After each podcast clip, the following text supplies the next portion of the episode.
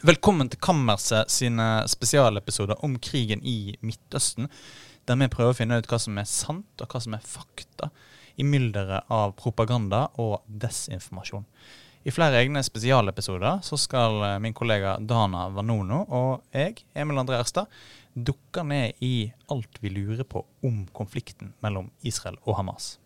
Ja, for vi som alle andre følger jo selvfølgelig med på alt som skjer. På krigen, og ikke minst på skjebnene. Eh, og så er det noen ganger vanskelig å vite hva som egentlig skjer.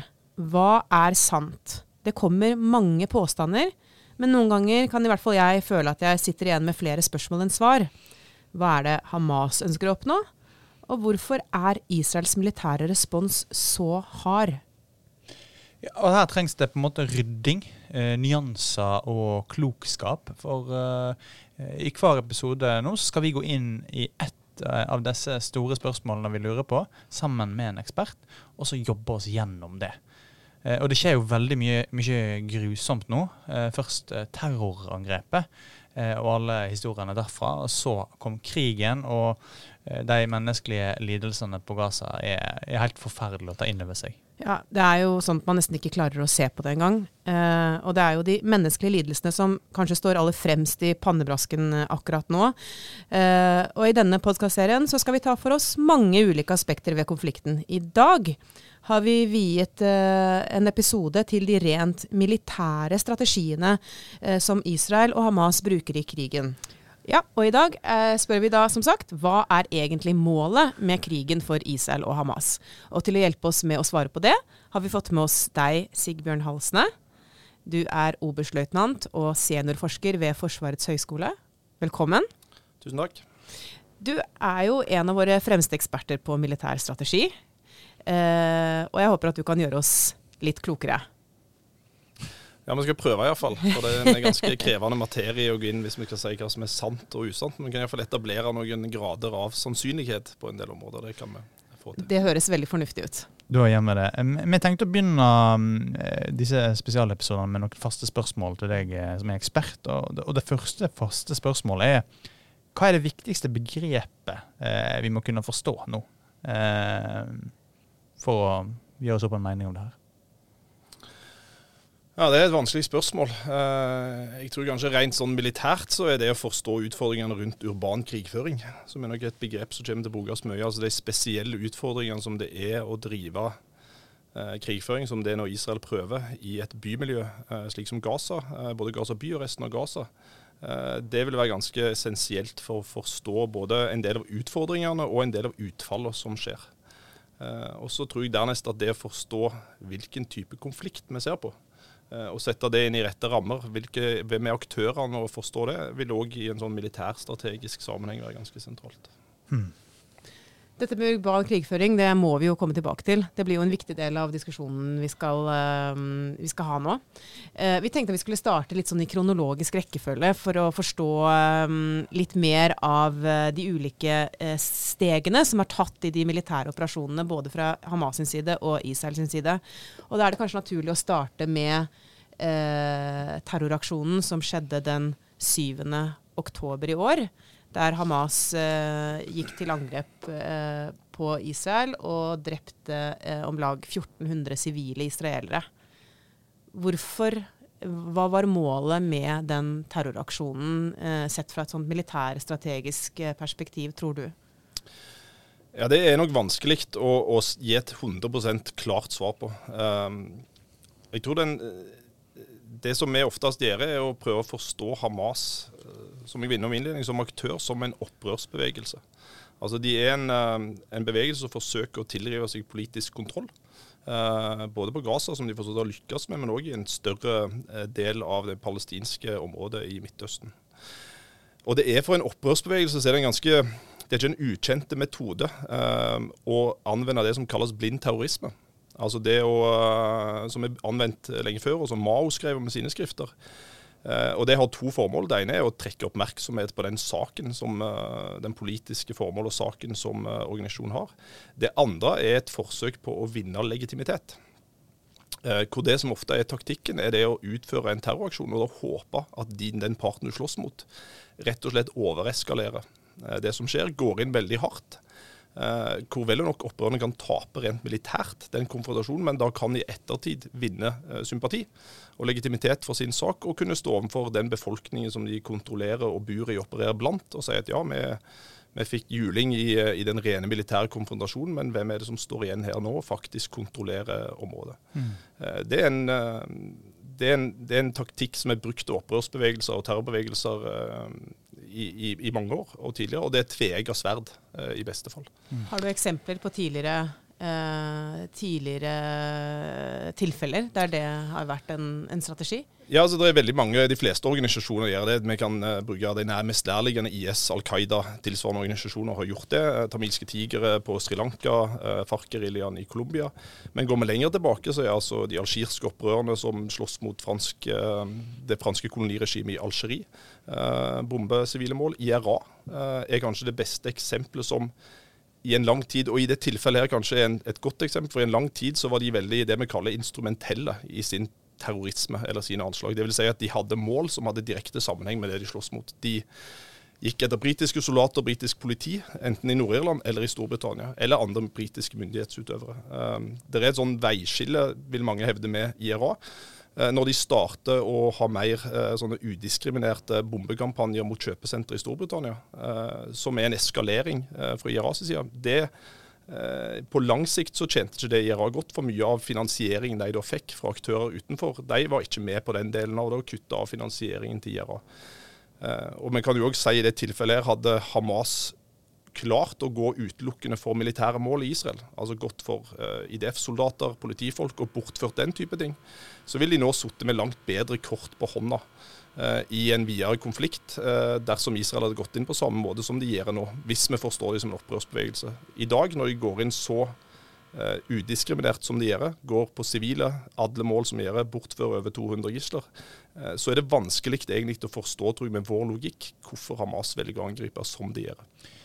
Altså, det har jo vært en del påstander nå fra Hamas den siste tida. De har jo gjort flere intervju med flere av deres uh, talspersoner i arabisk, russiske medier eh, spesielt. Der, der de har uh, felles for dem at nå, nå, er det en lyd i bakgrunnen her som jeg tror kanskje dere som lytter på, hører. og Det er ikke et opprør som er på gang, det er oppussing i etasjen over oss. men vi får bare høre gjennom den. altså Hamas eh, påstår, da, deres talspersoner, at de ikke har vært så at planen ikke var å være så brutal og ta eh, og voldta sivile og disse halshoggingene og, og, andre av disse grufulle virkemidlene vi så i, i angrepet, terrorangrepet 20.10. Eh, Men at angrepet kom ut av kontroll. Hva tenker du om de påstandene? Altså, jeg tror ofte I disse konfliktene så må en eh, ofte se på aktørene og se på hva de gjør, framfor hva de sier. Uh, for Det er altså utrolig vanskelig å forholde seg til hva som er sant, hva som er ren propaganda og informasjonsoperasjoner. Uh, det, er nok en, det er nok indikasjoner som tyder på at dette kom ut av kontroll òg for Hamas. Altså Det er ganske mange som hiver seg med på dette, at planen ikke var så stor i utgangspunktet. Eh, men at Hamas, eh, med deres historikk og bakgrunn og deres formål eh, for eksistens, at de hadde en sånn ren instrumentell tilnærming til hva de skulle gjøre, som utelukkende skulle skåne sivile, det har jeg vondt for å tro. Men at det kanskje kom mer ut av kontroll og ble større enn det de skulle ha planlagt i utgangspunktet, det kan, en godt, kan være plausibelt. Eksempelvis så er det å sitte igjen med 200 pluss gisler, det er altså rett og slett vanskelig eh, for Hamas. Eh, for Har du noen få, så har de brukt det med hell før til å forhandle og få løs eh, sine folk i israelske fengsler. Når du har 200 pluss gisler, så er plutselig den situasjonen veldig veldig vanskelig. Hva skal du egentlig handla de inn for å få igjen i andre sida. Da blir egentlig det, hele den uh, valutaen er nesten uh, ødelagt, for å bruke det bildet. Men uh, hvorfor det? Man skulle nesten tro sånn logisk sett at jo flere gisler, jo bedre i gåseøynene. Hvorfor blir det plutselig vanskeligere når man sitter på flere menneskeliv, da? Altså de, de nok, eh, det gjør jo israelske operasjoner vanskeligere uh, når de skal inn på Gaza. Det å redde 200 gisler er ikke selv veldig veldig krevende. Men det de ofte har gjort før, er å bruke ett eller to gisler for å handle løs et visst antall uh, Hamas-operatører som da sitter i israelske fengsler. Uh, når du har 200, altså hva, hva, er, hva, krever du for de? det vil rett og slett være vanskelig for begge parter å finne en fornuftig løsning. Det er iallfall ny mark å pløye opp som de ikke har en slags fremgangsmåte som de tidligere har brukt, som de kan forhandle rundt det. Men du, du snakker om, uh, om, Hamas sin historie, og at det er vanskelig derfor å tro at de hadde en rent instrumentell plan. og Med det så mener du å, å angripe militære eller legitime mål. Eh, kan du fortelle litt mer om, om, det? Hvorfor det er vanskelig å tro Hamas eh, på den påstanden? Altså, de er jo en organisasjon som har tidligere òg tatt i bruk virkemidler som ligger godt på utsida av det i, i aksjoner de har gjort. Så det, det, det er nok derfor mange tenker at det er ikke nødvendigvis den mest eh, at de hadde en annen tanke om det som skjedde, og at det kom ut av kontroll. Og det er òg en organisasjon som ikke er en militært eh, disiplinert, veldrevet organisasjon på mange måter, som en vestlig hær er. Eh, så det ligger litt i naturen av konflikten, og det er nok mest det det beror på. Hva, hva type operasjoner er det Hamas har gjort tidligere? Altså, hva virkemidler er det de har? Nei, altså Både rakettskyting og alt annet som Hamas gjør, operasjoner inn mot Israel, har jo gått ikke utelukkende mot militære mål, men òg mm. mot sivile. og deres raketter har jo en treffsannsynlighet enn virkningssannsynlighet sier at du ikke kan egentlig si hva du treffer når du skyter, annet enn med en grad av uh, hvilken kilometeravstand du, du, du, havner inn på. Men Hvis vi skal inn i hodet da på Hamas, jeg syns det er veldig vanskelig å komme inn i hodet på denne uh, uh, organisasjonen og liksom hva, hva målet deres var. Sånn, hvis, hvis, vi skal inn i hodet, og, og, og de angrepene de utfører på morgenen da 20.10 Jeg var selv i Israel den morgenen i ja. Tel Aviv. og, og, og og, og, og liksom, det var jo skrekk og gru eh, i disse angrepene. Hva, hvordan, hvordan, legitimerer de dette for seg sjøl? Altså, hva er kampmetoden Hva er målet? Det er vanskelig å si. Jeg tror det er vanskelig for oss i alle disse konfliktene å forstå med vår logikk, og hvordan vi tenker rundt både militær strategi og, og hva som er mål og middel. Eh, der tror jeg vi skal ha en stor grad av respekt for at det klarer vi ikke i mange tilfeller. Rett og slett fordi det er ganske fremmed for hvordan vi tenker rundt både bruk av makt og bruk av militærmakt. Eh, Hamas er jo en organisasjon som har som formål å utslette staten Israel, uh, i bunn og grunn. Uh, og For deres del så, så, er nok det en ledd av det for å vise seg selv som en troverdig aktør i, i, uh, i regionen, og for å deretter kunne vinne sier, en kamp om et slags narrativ i etterkant av konflikten. Og Så er det større bildet som mange andre eksperter som, som har mer innsikt enn meg på, på Midtøsten, peker jo òg på den større regionale på utviklingen som har skjedd over tid, hvor det er en grad av en normaliseringsprosess iallfall uh, mellom Israel og en del andre sentrale aktører i Midtøsten. Eh, og Hamas er en Iran-sponsa bevegelse. Eh, hvor nok det òg eh, sammenfaller med en del andre interesser for de som ikke ønsker at det skal skje, som kan ha noe med i fall, tidspunktet for dette å gjøre, mm. uten at vi har noen ugjendrivelige beviser for det. Nå er jo IDF, altså den israelske hæren, inne i Gaza by mm. eh, med soldater. Men lenge før de gikk inn i Gaza by, så eh, bombet de jo Gaza fra lufta. Mm. Det var jo den første responsen på eh, terroraksjonen. Hvorfor valgte de den responsen? Jeg tror Israels respons gikk i flere steg. Eh, det første de gjør, er jo å prøve å få en grad, eller å tilbakerive kontroll eh, i Israel. De har jo flere områder hvor de mister kontrollen. To militærbaser nært på Gaza blir overrent. Eh, de har kibbutzer og andre ting rundt. hvor det er, altså Få kontroll i det området. Hvor er det igjen Hamas-celler? Hvor har de egne? Hva har de uh, tap av? Og så ser vi at de raskt forsterker uh, nord i Israel mot Sør-Libanon og Hezbollah, som en annen regional aktør. de mobiliserer Forsvaret for å få kontroll internt. og Det er nok det første de gjør. Eh, og så har nok Israel hatt en grad av tilstedeværelse på Gaza hele veien, eh, med type spesialoperatører eller andre ting, for å da finne eh, mål som de allerede har. Og Der har den israelske hæren nok eh, ganske klar det vi militært sett kaller target packs, altså måldata på sannsynlige Hamas-mål og mål som er verifisert, som de har liggende klar i planverket sitt. Eh, og Det er det første de da starter å gjøre, er å bruke luftmakt. For den får du inn raskt. Eh, den kan du fly inn uten å måtte etablere trygge korridorer inn med bakkestyrker, som tar tid. Uh, og kunne begynne å ta ut og vise en respons både overfor egen befolkning. Det er jo en enormt uh, krav i Israel òg til handling.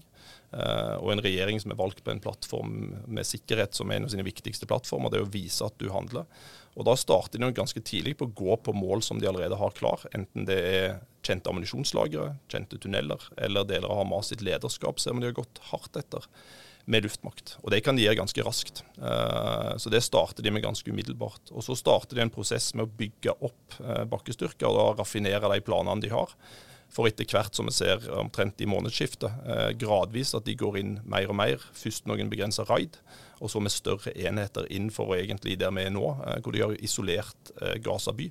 Eh, som nok er starten på slutten av en innledende sånn bakkeoffensiv, iallfall vår forståelse av det så langt. Mm. Og, og, ganske umiddelbart etter angrepet om morgenen 20.10, så møtes Benjamin Netanyahu og hans regjering til et sånn krigsråd, og, og, han er ganske umiddelbart ute og sier at han, hans mål og Israels mål er å knuse Hamas. Hvor gjennomtenkt tror du den strategien var? Det vet vi ikke.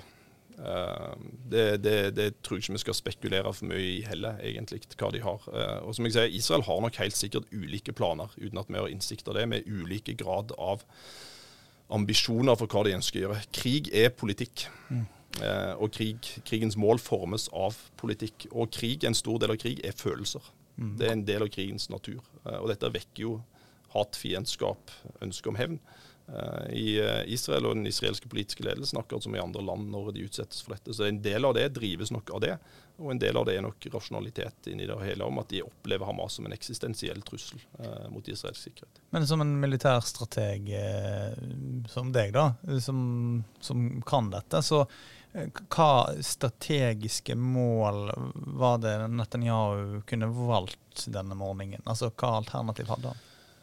Altså, du kan egentlig legge den lista Du har et handlingsrom. Altså, du, må, du må vise en handling eh, rent politisk sett overfor dette. Og Det som ofte da gjøres i, i disse kampanjene, som vi ser Israel har gjort før i konflikten mot Gaza, er jo i spennet fra å vise at du eh, går inn og aktivt tar ut deler av lederskapet til Hamas. Du reduserer den militære kapasiteten med å ta ut rakettlagre og noen tunneler, eh, sånn som vi ser i forrige gang de går inn eh, på Gaza.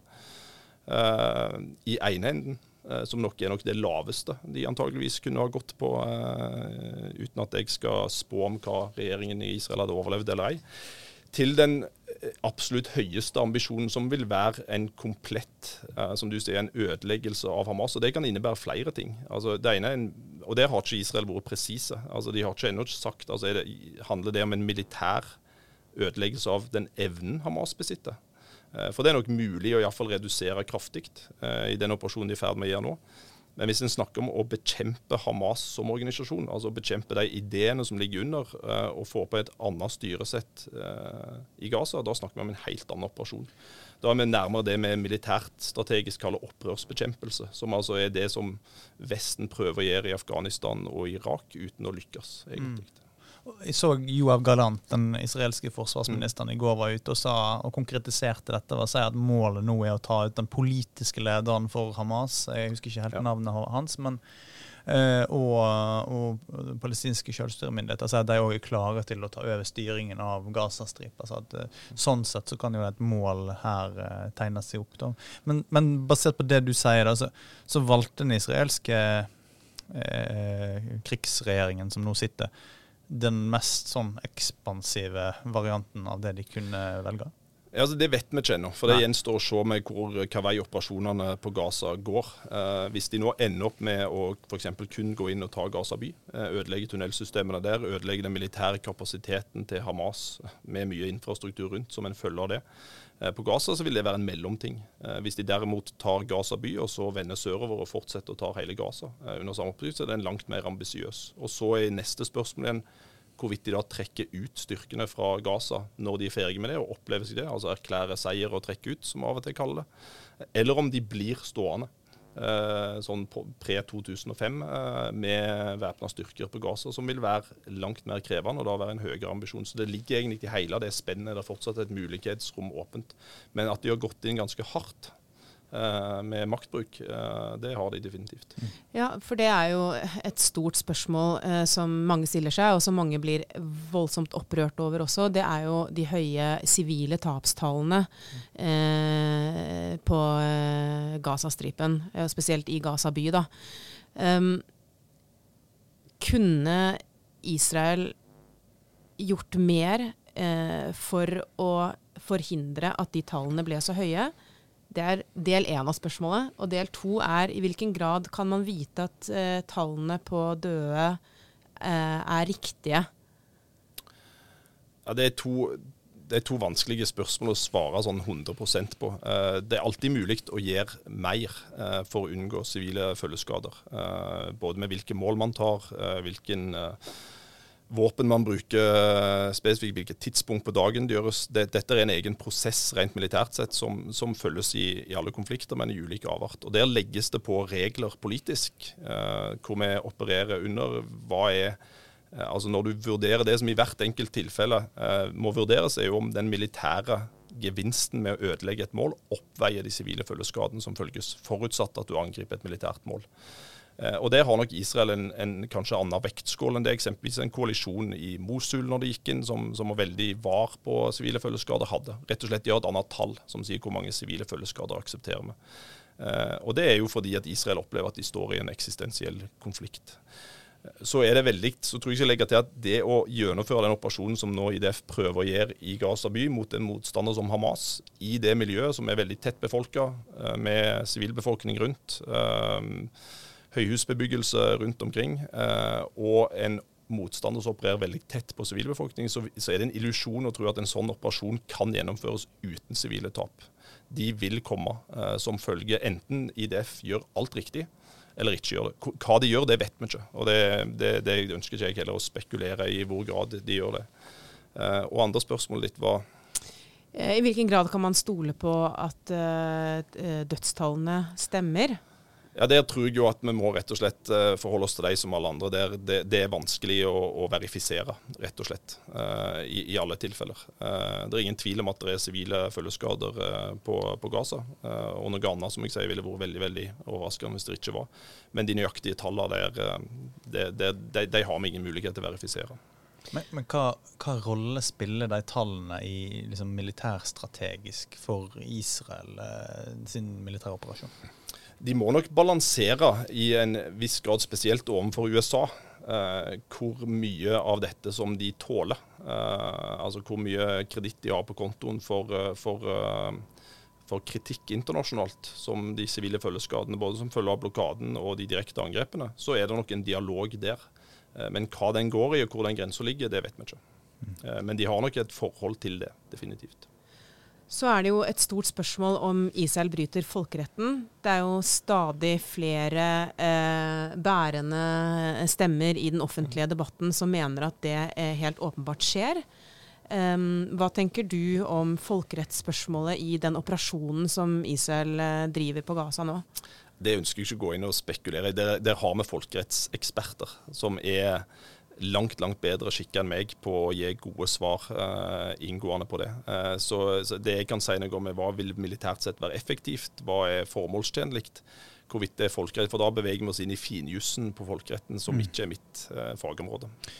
Men det har jo blitt spekulert i, i om Benjamin Netanyahu, da, som, som har vært en, en, skikkelse i israelsk politikk som ja, han har vært kontroversiell, for å si det forsiktig. og, og og han hadde jo eh, I tida før eh, angrepet så hadde han eh, flytta en god del av ressursene oppover mot Vestbredden, fordi at der er bosetterne, og der er strongholdet til hans koalisjonspartner i regjeringa hans. Og Derfor så var det lettere å angripe. Men, og, og, Derfor er det nå en pågående diskusjon i israelsk politikk og i israelske medier ser en det at han, eh, historiefortellingen om hva som gikk galt, og der han prøver å etablere at det var eh, alle andre eh, grunner enn han. Mens, mens, de fleste mener at det hadde en del å gjøre med hans politikk. Og så er spørsmålet For å redde sitt eget skinn, så kan han ha brukt sterkere militær lut mot uh, Gaza enn en nødvendig. Ja, liksom en, en, en hevnrespons som på en måte skal tilfredsstille et eller annet politisk behov i Israel. Hva tror du om sånne påstander? Ja, igjen, Der er det andre enn meg som er langt bedre på, på, på israelsk innenrikspolitikk. Eh, jeg ser det rettes altså, Det, det kommer jo til å gå en eh, Det blir nok en form for eh, debatt i Israel om hva som gikk galt 7.10. Den er allerede i gang, som du sier. Er det altså at de ikke har etterretning som fanger opp det som skal skje, som vil være en etterretningssvikt? Eller har de fått varslinger politisk fra Etterretningstjenesten, men ikke gjort nødvendige tiltak osv.? Der er det jo flere mulige utfall. Uh, og Den kommer nok til å gå i, i månedene og åra etterpå i Israel. Og Så ser jeg òg, som du sier, at det er flere som retter kritikk mot at flere av disse avdelingene som skulle være å sikre uh, grenser mot Gaza, var flytta inn mot Vestbredden for å sikre settlere og andre områder der. Og den debatten er i full gang i Israel. Eh, hvorvidt dette er en sånn Netanyahu-ryggmargsreflaks, eh, det svaret eller inne, det, det, tror jeg ikke jeg skal gå inn og spekulere i akkurat nå. Nei, men sånn militærteknisk, da, så er det, jo, liksom, er det interessant å vite om kan Benjamin Netanyahu som statsminister findesigna militæroperasjonen? Har han såpass stor påvirkning på det, eller er, eller er dette i IDF måte, Når dette skjer, at da slår de militære strategiene inn, og de ligger klare? Det er nok en dialog mellom den øverste militære ledelsen eh, i Israel og eh, de folkevalgte, på samme måte som i alle andre land, eh, rundt en, en, rådgivning fra de militære, hva de bør gjøre, og hva som er politisk eh, ønskelig. Men til syvende og sist så er krig politikk. Eh, og det gjelder i de fleste stater. Der vil vi få detaljsvar på hvem som har diktert hva seinere. Eh, men at det er en kommunikasjon mellom den øverste militære og politiske ledelsen i Israel, det kan vi gå ut ifra. Eh, og hvem som da dikterer hva, og har mest makt i de diskusjonene, det tror jeg ikke vi vet akkurat nå. Det blir sikkert et tema for mange studier i framtida. Mm. Absolutt.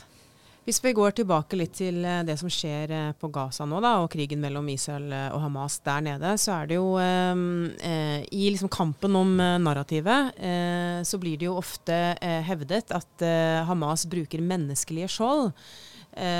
og i dag så kom det også en nyhet om at IDF hevder å kunne bevise at eh, Hamas har et våpenlager, eller operasjon, en slags uh, operasjonssentral, kanskje, eh, under Shifa-sykehuset, som er et stort sykehus inne mm. i Gaza by. Um, dette her med menneskelige skjold, påstanden om at de bruker menneskelige skjold, hvor mye vet vi om det stemmer, og hva betyr det egentlig i så fall?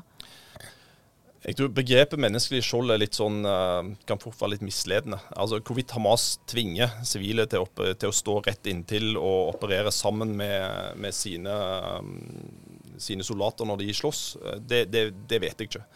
Det vi vet, er at Hamas opererer veldig tett på bebygde områder hvor det er sivile, enten de skyter raketter eller der de slåss fra. og Det er òg litt gitt ut av hvordan Gaza by og Gaza-området er. Altså Hvis du er en opprørsbevegelse som eh, Hamas, med, som er teknologisk underlegen IDF, eh, så vil jo det oppta forsvarskamp ute i de åpne områdene nord i Gaza f.eks. Eh, hvor de er utenfor bygninger og har lite mulighet for å skjule seg. Det ville være militært sett veldig lite klokt av Hamas. Da, da ville de ha overlevd veldig kort tid. Eh, så på sett og vis er de tvungne til å gjøre det militært sett for å ha en mulighet. Eh, og så er det nok òg delvis en kynisk eh, strategi, som ikke er ukjent fra andre opprørsbevegelser, nettopp for å kunne bruke eventuelle sivile følgeskader i den mediekampen som, som, skjer etterpå. Men hvor bevisst og aktivt det det, det har vi ikke klare Iallfall ikke jeg kan kunne si klart at det skjer det ene eller det andre. Når det gjelder bruk av sykehus og beskytte objekter, så er jo det en debatt som går nå. IDF gir ut videoer og bilder. Vi satt senest rett før jeg dro og så på disse fra jeg tror det indonesiske sykehuset på Gaza. Uh, og ja, der er bilder og videoer av tunneler, tunnelåpninger og alt det, men hva de er og hva de brukes til, det er fortsatt vanskelig å si. Om dette er vedlikeholdstunneler som tilhører sykehuset, eller om de brukes av Hamas og hvor aktivt de gjør. Men IDF har vært veldig hardnakka med sine påstander om at det er tilfellet ved flere av sykehusene i, uh, i området. Men Hva er din eh, erfaring her, når IDF tidligere har gått ut med påstander eh, om, eh, om, hva som er sant og ikke? Er din erfaring eh, at det er eh, mer sannhet enn løgn, eller mer løgn enn sannhet? I de fleste tilfeller så er IDF ganske etterrettelige eh, med sine påstander rundt det. Og det er et ganske vanlig Det var jo mye debatt rundt dette sykehuset som ble ramma tidlig eh, i, i, konflikten av det som først ble rapportert som et israelsk bombeangrep. Eh, og seinere spekulerte de om det er en feila rakett som er skutt opp fra Gazastripa mot Israel. I de tilfellene hvor IDF angriper det som er beskytta objekter, enten det er skoler, eh, moskeer eller eh, sykehus, er de veldig ofte raskt ute med å vise at dette har et militært formål for å legitimere egne aksjoner. Og det Eh, de viser er- fram, er det informasjon man kan, som er, man kan stole på, som er etterrettelig? M- Ja, I de fleste tilfeller, og der vil ulike kilder, avhengig av hvem en leser, hevde ulike ting. Det er det som er krevende med hele denne konflikten. Men rent sånn objektivt sett, i de fleste tilfeller så vil jeg si det, at det virket rettelig. Og så kan vi diskutere hvorvidt det allikevel er riktig å angripe det eller ei. Altså tilbake til proporsjonaliteten, om det da er det. Men at det har blitt brukt til militære formål i de fleste tilfeller, og at det har vært eh, at de mener å ha etterretninger om at dette blir brukt til militært formål, ikke en form for blind terrorbombing, det er i de fleste tilfeller, eh, som jeg har sett på fall ganske riktig. Og akkurat nå så er israelske styrker i eh, områdene altså De er inne i Gaza by. Eh, vi har lest en, en Haaretz-reportasje i dag der, eh, der de, den israelske avisa da er inne i eh, er med IDF eh, inn der, og, de dokumenterer denne eh, ferden inn der, og hvordan uh, situasjonen er. Alt ser bomba ut. Mm. Det er, det er ødeleggelse eh, så langt eh, øyet kan se. Kan du beskrive den eh, militærstrategiske effekten av denne bombingen som har pågått den siste tida? Hva er denne bomba, hvorfor har han bomba, og, og hva er, hva er liksom, litt sånn detaljert målet med dette? Altså, IDF er, begge parter er ganske tilbakeholdne med informasjon rundt detaljer. Um, vi er jo vant med fra krigen i Irak spesielt kanskje at, at vi hadde daglige pressekonferanser hvor det viser ganske i detalj hvilke mål som er tatt ut. Det har ikke IDF for vane å gjøre. Uh, det de sier, er at de går på um, tunnelsystemene spesielt. Uh, de har gått mot Hamas lederskap, der de har klart å identifisere de. Um, og de har gått mot uh, områder for rakettutskyting, og der de har sikre lokasjoner på Hamas-krigere, enten det er kampstillinger eller eh, personell som flytter seg rundt. Eh, Effekten av det er jo at de reduserer Hamas sin militære kapasitet. Eh, I tillegg til dette så har vi jo sett at de har gått etter internett og, og tele, altså telefonkommunikasjon på, på Gaza, som vil nok redusere deres evne til rett og slett å kommunisere. Deler av deres systemer er nok beroende på at de har en viss grad av tilgang til mobiltelefoni og til til internett. Uh, så de reduserer den militære kapasiteten, men også forbereder de uh, bakken for, uh, eller de forbereder stridsområdet for bakkestyrker til å gå inn. Altså gjøre det tryggere relativt sett for bakkestyrkene som skal inn med å ta ut militære installasjoner. Det å bombe i stor grad før du går inn med bakkestyrker, er litt sånn, det er jo et litt et tvega sverd. For på ene siden så ødelegger du deler av motstanderens eh, kapasitet, men på, samtidig så ødelegger du så mye av infrastrukturen at du gjør det veldig vanskelig for bakkestyrken i mange tilfeller å både bevege seg. Altså Du skaper mange hindre gjennom sammenraste bygninger, ødelagte veier. Og andre ting så gjør det fysisk vanskelig for bakkestyrker å komme inn. Eh, og så skaper du naturlige befestninger og posisjoner som da de du slåss mot, kan bruke som, eh, i forsvarsstriden sin. Eh, Så det har vært litt sånn Rent militærhistorisk så er, så er det en del diskusjon av effekten rundt en sånn strategisk bombing før du går inn eh, med bakkestyrke, hvis det er målet. Eh, Men i det tilfellet her så er det nok mest av alt for å berede grunnen og redusere kapasiteten til Hamas før de med bakkestyrkene. Innledningsvis så snakket du jo litt om at eh, hvis det er et begrep vi eh, med eh, fordel kan forstå mer av, så er det dette begrepet urban krigføring. Og det er jo det som skjer inne i Gaza by nå. Eh, som sagt, så nå er jo Gaza by beleiret. Mm. Eh, og israelske bakkestyrker er i, eh, inne og møter en del Hamas-soldater i tunneler og andre steder. Kan du, kan du fortelle litt mer av hva det er, eh, helt sånn konkret og i bilder, sånn at vi, eh, vi lekfolk forstår det. Hva er det som, som skjer nå i denne delen av krigen? Det som, det som, og det, nå har de gått inn, eh, Israel har gått inn fra tre ulike retninger. Eh, og det ser ut for oss som det de har tatt det vi kaller brigader. Uh, altså Som er en, en, en formasjon, en enhet i, i, um, for landmilitære styrker. Ofte rundt 5000 mann. Som danner kjernen i hver av disse uh, korridorene de har etablert inn. De har én en enhet som har gått inn rett fra nord, langs kysten og er i utkanten av Gaza by. Så har de en som har gått inn fra nordøst og er inne i utkanten av Gaza by. Og så har de en tredje som har gått inn rett fra øst, på nordsida av dette Wadi Gaza, som egentlig deler Gazastripa i to. Eh, og som egentlig nå rykker fram helt til kysten, og egentlig da isolert eh, Gaza by. Eh, og så får vi se. Det virker som de nå forbereder neste fase med å gå inn videre fra de posisjonene. Og Det de da har gjort, er å skape en korridor inn, hvor de har trygg, relativt sett trygg vei inn og ut. Eh, klarerte for miner, veibomber, alt annet, hvor de da kan frakte større enheter, forsyninger og sanitet eh, som går inn og ut eh, når de starter større operasjoner, hvis de velger å gå inn i selve Gaza by. Jeg tror utfordringen med urban krigføring er at det, det reduserer kraftig uh, det teknologiske overlegenheten som den israelske hæren, eller en moderne hær i utgangspunktet har, mot en aktør som Hamas, som er ganske sånn lett utrusta med begrensa midler, som, som IDF uh, besitter. Uh, og Primært så beror det på to ting. Det ene er at du har mulighet som forsvarende part, uh, som Hamas og, um, og opprører, så kan de skjule seg for mye av de sensorene som en moderne hær er avhengig av, for de er luftbårne. De kan operere på innsida av hus eller i disse tunnelsystemene og gjør det vanskelig å identifisere hvor de er henne. Og Det andre er at du reduserer da stridsavstanden, uh, som jeg kaller det, fra Ideelt sett så ønsker en moderne hær å slåss på så lang avstand som mulig. Vi har mulighet til å finne en motstander og treffe han presist på mange kilometers hold. Eh, I bykamp så reduserer du det ofte ned til 30-100 meter, eller fra rom til rom, fra hus til hus. Eh, og Da er altså en Kalasjnikov som en Hamas-kriger har, den vil være like effektiv som et moderne angrepsrifle som en eh, IDF-soldat har. Og Generelt så, så favoriserer disse urbane operasjonene all, all, all, krigføring favoriserer forsvarende part. Det er enklere å forsvare seg enn å angripe.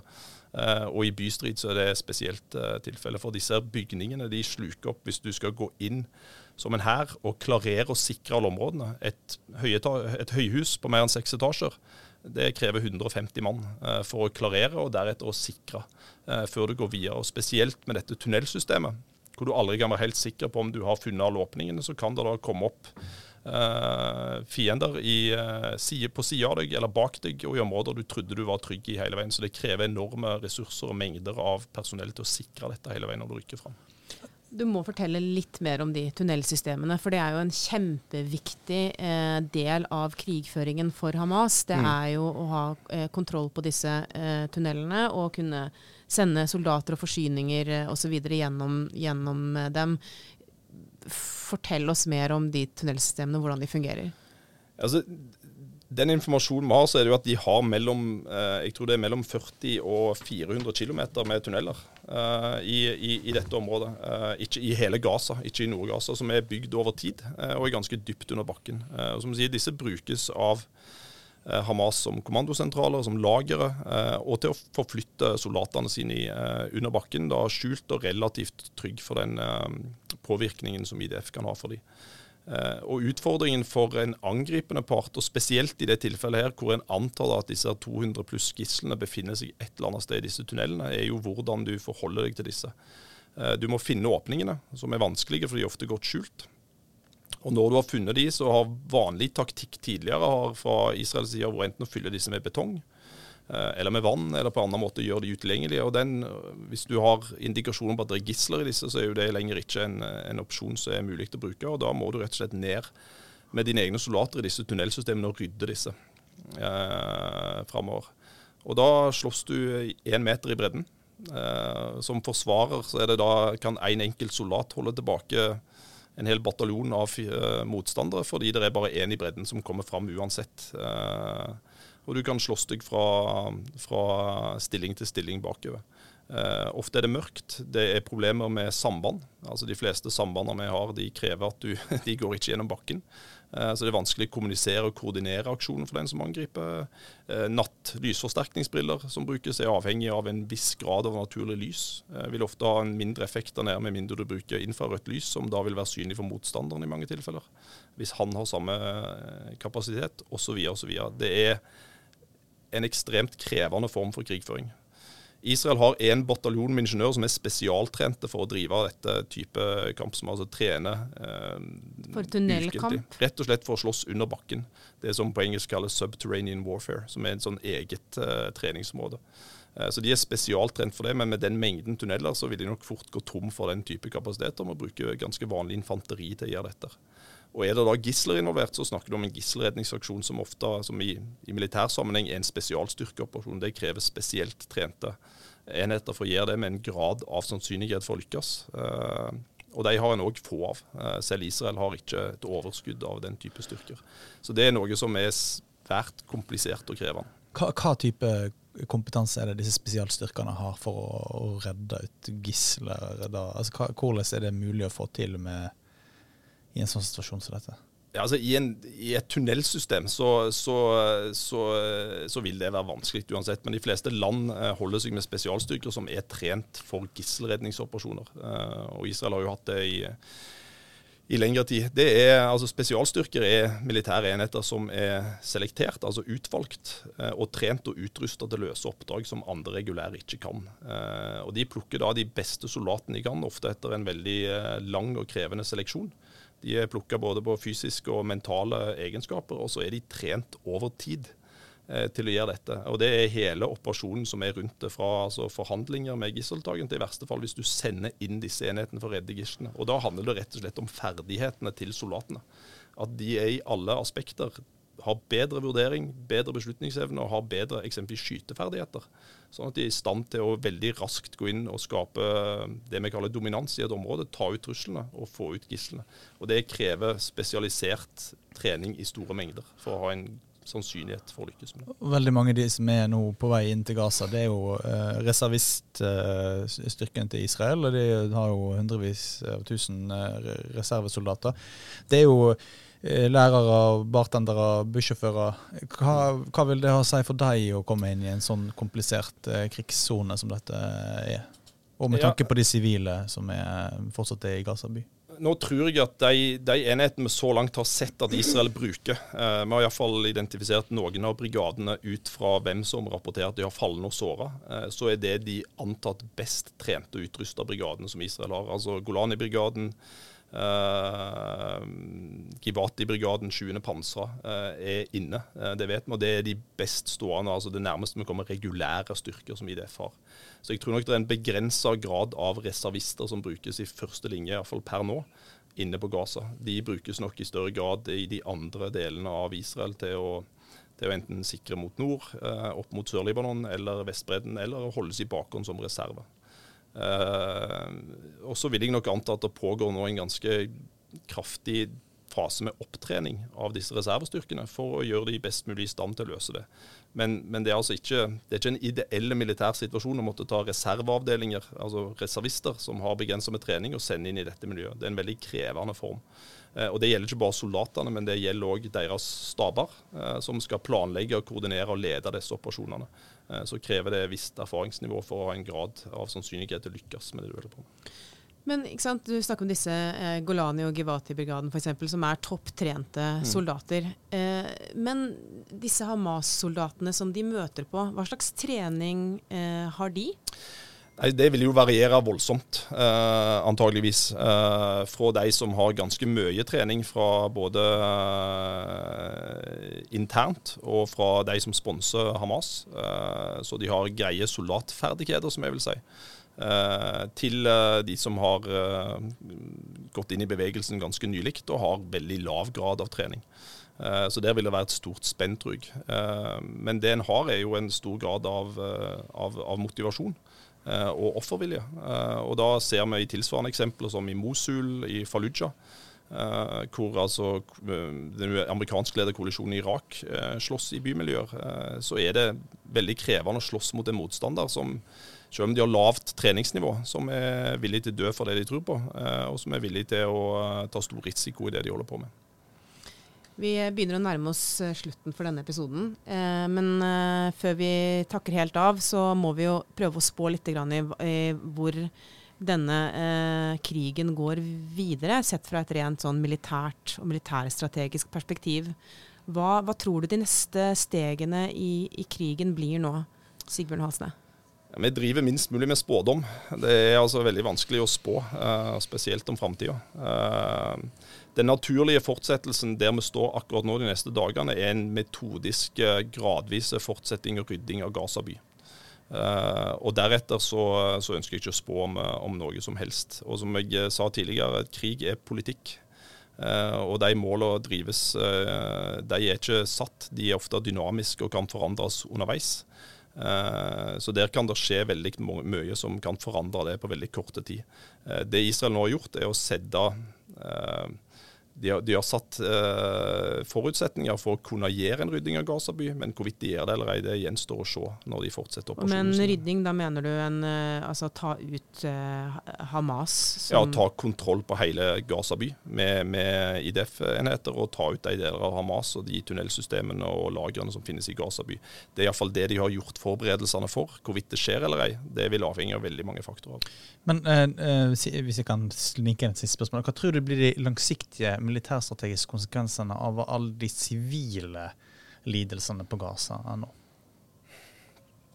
Ja, det er òg vanskelig å si. Men altså, en, dersom det er avhengig av hva målet til Israel er. Eh, faren med å gå fram eh, for hardt dersom de ikke har en plan om å bli stående der over tid, litt som jeg sa at koalisjonen prøvde eh, Irak og Afghanistan, er jo at en bidrar til å radikalisere en ny generasjon og må gjenta en type operasjon som dette de neste 10-20 åra eh, for inne. Og Det kan hende at det er målet. At det er inn å redusere kraftig den eh, Hamas' militære kapasitet. Ta ut store deler av lederskapet. Håpe at det kommer et alternativ opp eh, i mellomtida som, som, det er mulig å forhandle med eller finne en mer varig løsning.